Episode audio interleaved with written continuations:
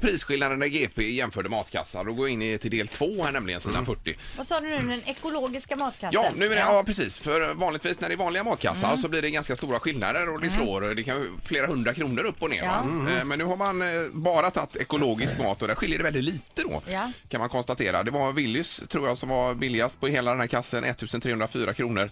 Eh, Och den dyraste var Hemköp 1412 kronor. Så det skiljer en dryg hundralapp då mellan den billigaste och den dyraste. Och det är väldigt, väldigt mycket mindre än vad det brukar slå. Så att säga.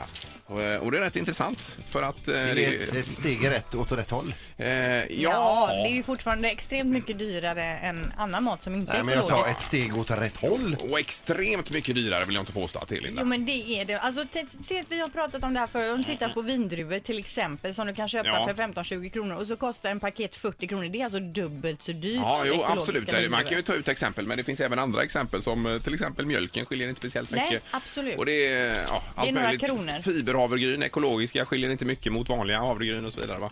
Så att eh, det det får man ju kanske... Men även ketchup har jag sett. Det är en tia typ det skiljer. Är det en tia? Ja, just det. blir mycket i längden. Det gör det, men man investerar i sin egen kropp. Ja, men alla har inte möjlighet ska vi Nej, säga nej, att köpa ekologisk mat. Så att det är ju fortfarande dyrt och borde bli billigare. Jag håller med dig Linda, helt klart. Men kan man välja bort kanske lite godis i den ändan och köpa en ekologisk grej i den ändan så, så tycker jag man ska göra det. Ja. Ja, fast det är tråkigt. ja. Nej, men det är klart att det, det är dyrare, men det, är ju- det är ju en väl, väl... Man kanske kan avstå något annat menar jag för att få lite bra kvalitet på maten. man Hå- Håller äter. med dig. Har man möjlighet så ska man ju absolut Ja. göra det. Just det. Men vi har lite, lite olika uppfattningar där. Jo, jo, men alltså det går ju, man kan ju göra allting bättre. Vi, istället för att köra bil skulle vi kunna ridit häst till jobbet Ja, också. visst. Ja, Det går men att göra vi mycket. gör ju inte det. Nej, men hörde du inte den här nya klimatrapporten? Om vi fortsätter som vi gör nu så har vi ingenstans att bo här om en eh, 80-100 år.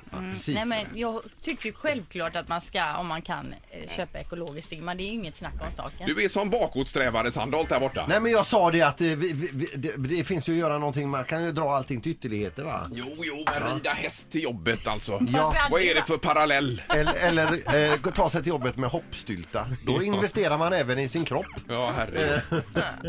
vi, måste ju, vi måste ju försöka göra någonting. vi kan ju inte bara visst. sitta här och Nej, gnälla. Men, men Linda säger att det är dyrare och du säger ja det är knappt och så börjar hon dra exempel och så är diskussionen igång. här, Ja, va? visst, så och har så du kommer det du med med hästen. Ja men så kom du med andra argument plötsligt och istället för pengarna då var det investera i kroppen istället. Jo, va? men det är Så- väl det man gör om man köper bra mat. Absolut. Du har ju bara, det är ju din egen maskin du pratar Jo, jo om. visst, men vi, vi, vi känner ju till det här.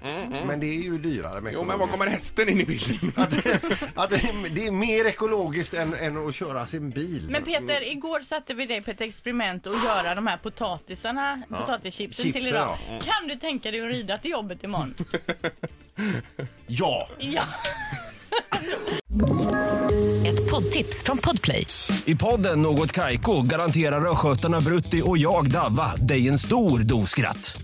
Där följer jag pladask för köttätandet igen. Man är lite som en jävla vampyr.